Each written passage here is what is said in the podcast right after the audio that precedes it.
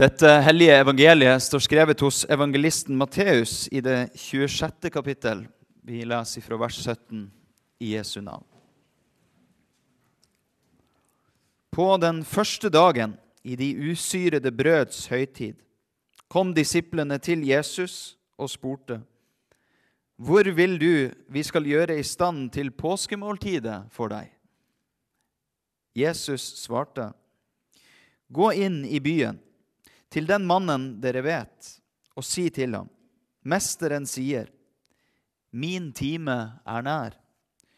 Hos deg vil jeg holde påskemåltid med disiplene mine. Disiplene gjorde som Jesus hadde pålagt dem, og de gjorde i stand påskemåltidet. Da det ble kveld, tok Jesus plass ved bordet sammen med de tolv. Mens de spiste, sa han, Sannelig, jeg sier dere, en av dere skal forråde meg. Da ble de dypt bedrøvet, og den ene etter den andre sa til ham, Det er vel ikke meg, Herre?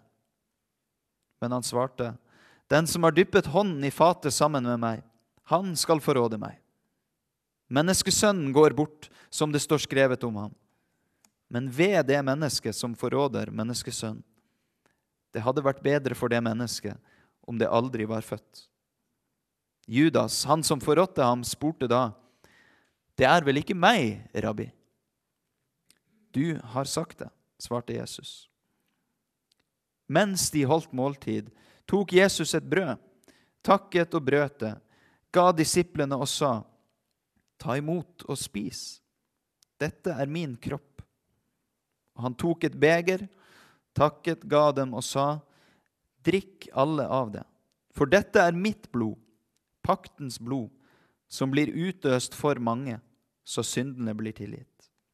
Jeg sier dere, fra nå av skal jeg ikke drikke av denne frukten av vintreet, før den dagen jeg drikker den ny sammen med dere i min fars rike.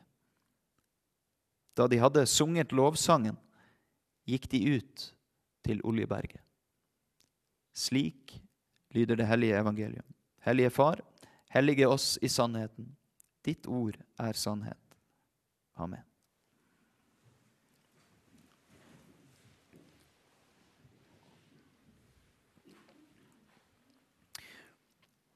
Nå går vi inn i den time som er kommet nær.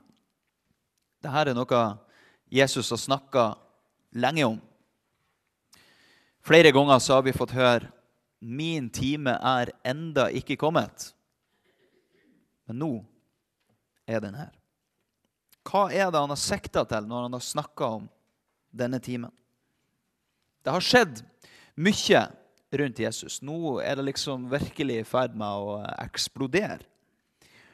Og det er mange mennesker rundt han som har lagt planer, spekulert i hva slags scenarioer som nå kommer til å utspille seg. Og felles for de alle er at de har planlagt det som er best for de sjøl. For folket, for tempelet, for nasjonen. Men det har ikke Jesus. Han har hele tida snakka om denne timen som noe helt uavhengig av menneskets planer og tanker. For det er nemlig Guds time det jeg taler om. Alt det Jesus har sagt og gjort, leder fram imot denne timen. Og når alt er fullført, så skal vi høre ordene ifra hans egen munn. Det er fullbrakt. Slik avrundes denne timen. For det som nå skal skje i påsken, det er en sammenhengende hendelse. Og nå tar vi opp tråden her på skjærtorsdag. Ved påskemåltidet som skal gjøres i stand. Det er allerede gjort avtale med en mann som har et lokale klart til dem. Og disiplene de sendes av sted for å gjøre i stand. Og når alt er klart, så samles de der. Jesus han vet allerede hvem som skal forråde ham. Ennå de har vært sammen så lenge, så har Judas ikke tatt imot troen. Han har gjort hjertet sitt hardt. Og nå er det for sent. Det er en veldig vanskelig ting å forsone seg med for oss. At noe kan være for sent. Men det kan det, altså. Vi kan ikke dømme sånt. Dette forteller oss at dette kan finne sted midt i et hvilket som helst troens fellesskap. Og Sånt kan ikke vi dømme, for vi ser ikke til hjertene. Men vi kan ta det som en advarsel. Harde hjerter, det er det farligste som fins. Her hører vi ikke mer om Judas. Hvis vi leser de andre beretningene, så, så ser vi at han forlater fellesskapet. Han går for å gjøre det han må. Og Så fortelles det oss heller ikke så mye om det her måltidet som de er samla rundt, men vi vet at det fulgte ganske faste rammer. Og det er en påminnelse om utferden ifra Egypt, som vi hørte lest om fra andre Mosebok.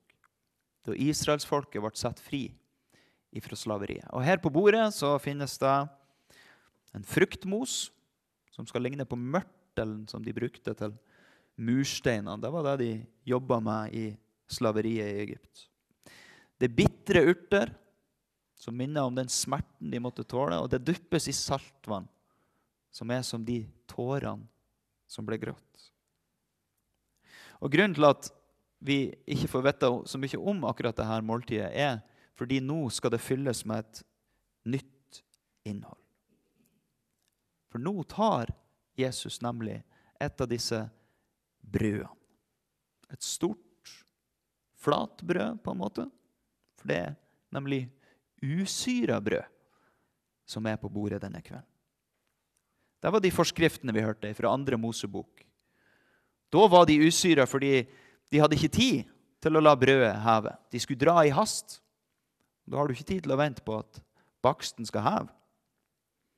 Men seinere i Det gamle og Det nye testamentet så ser vi at denne gjæringsprosessen det er et bilde på synden. Den som brer seg på samme måte som et brød blir gjennomsyra. Bare du tar en liten bit med surdeig. Så lenge du lar tida gå, så gjennomsyrer den alt. Men dette brødet som de har på bordet denne kvelden, det er uberørt av denne prosessen. Og så bryter Jesus det i biter og sier noe rart.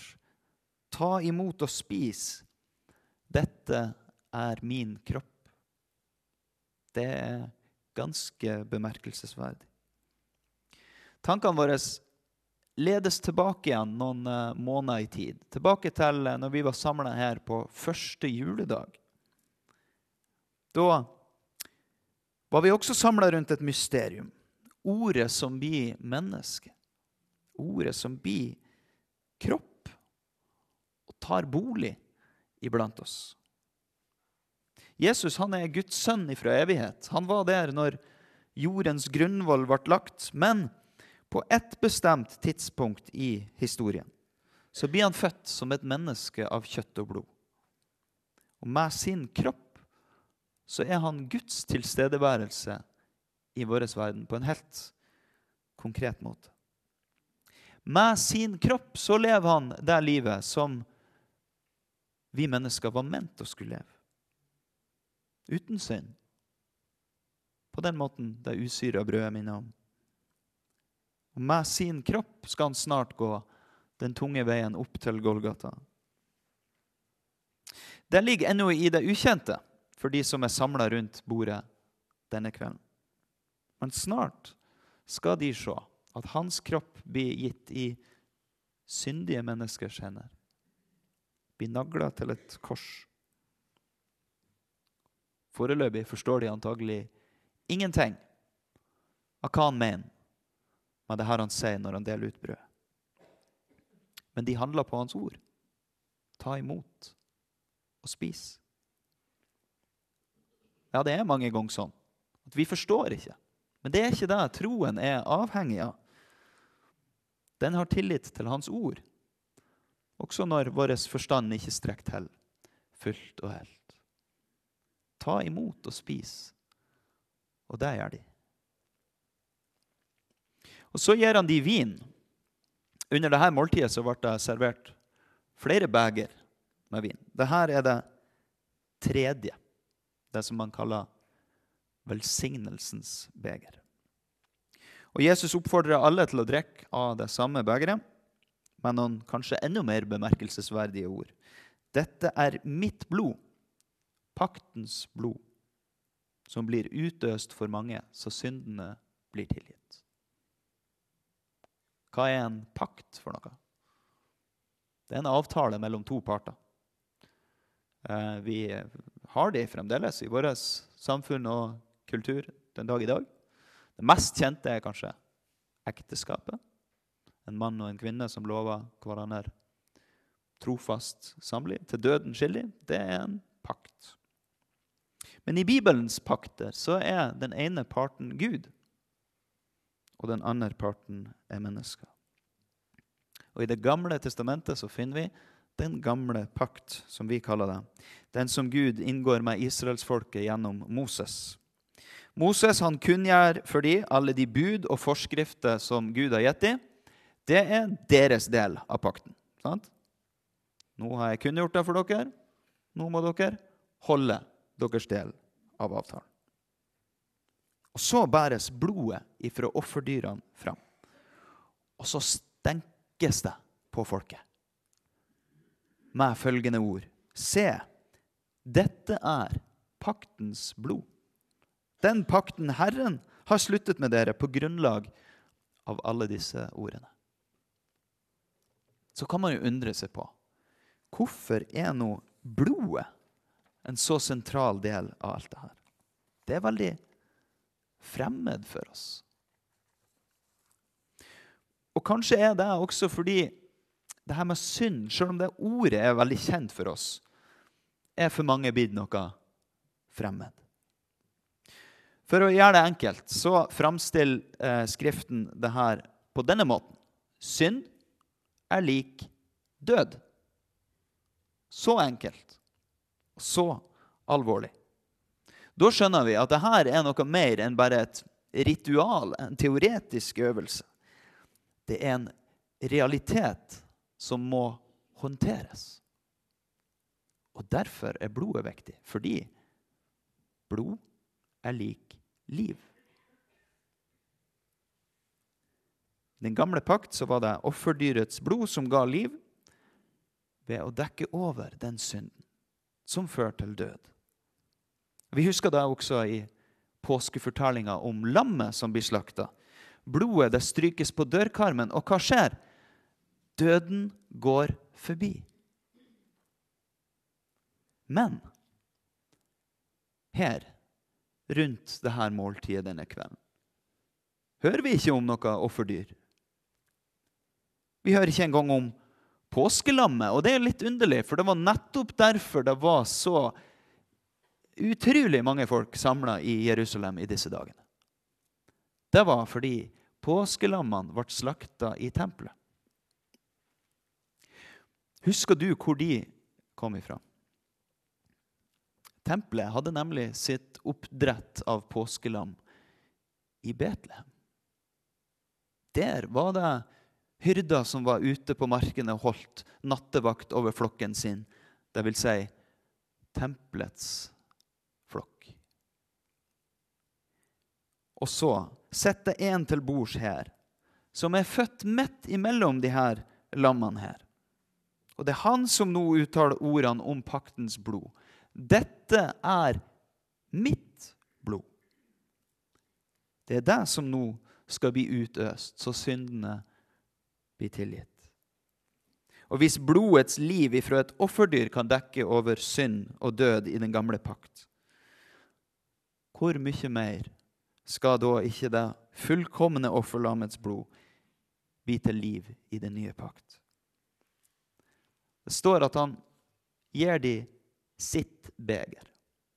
Velsignelsens beger, som er til liv og salighet. Det som var hans, det blir nå deres.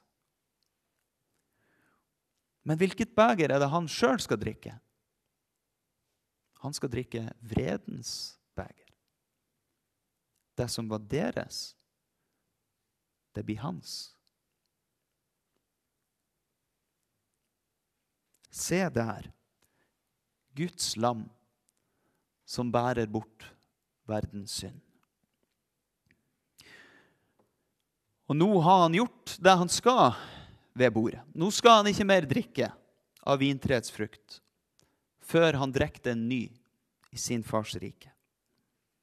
Nå skal han ut og gi mening til det som de nettopp har fått være med på. Når hans kropp blir hengt på et kors, og hans blod renner for deres og vår skyld. Timen var kommet nær, og det er den timen vi nå også får gå inn i. For på samme måte som det jødiske påskemåltidet, så er det vi skal feire også fortid, nåtid og framtid som smelter sammen til ett. Et hellig øyeblikk hvor alt av tid er oppheva. Og vi får gå inn i den pakt som den trofaste har oppretta. Vi får se hvordan han har leda sitt folk gjennom historien. Vi ser hvordan hans sønn har båret vår synd og sona den med sin død. Og vi er sammen med Jesus nå, hvor han er til stede og vil gi oss sine gaver. Vi får høre de samme ordene som de som var til bords den kvelden. Ta imot og spis. Drikk alle av den. Og vi får se fram imot det festmåltid i Guds rike hvor vi skal få sitte til bords og drikke den nye vin sammen med Jesus. Forstår du nå alt? Nei, ikke jeg heller. Og jeg vil gjerne forstå enda mer. Men det er ikke det som er det viktigste. Det viktigste er troen. For det her er ikke et måltid for magen, eller for intellektet, for den del. Det er et måltid for troen. Og hva er det troen holder fast i? Det er Jesus sjøl og hans ord. Det er Kristi kropp, gitt for deg. I tro tar vi imot og spiser. Og Kristi blod, utøst for deg. I tro drikker vi alle av det. Det som var ditt, det tar han på seg. Og det som var hans, det blir vårt. Til liv og salighet. Og en dag skal vi sitte til bords med han i Guds fullendte rike. Ære være Faderen og Sønnen og Den hellige ånd, som var, er og være skal, en sann Gud fra evighet og til evighet. Amen.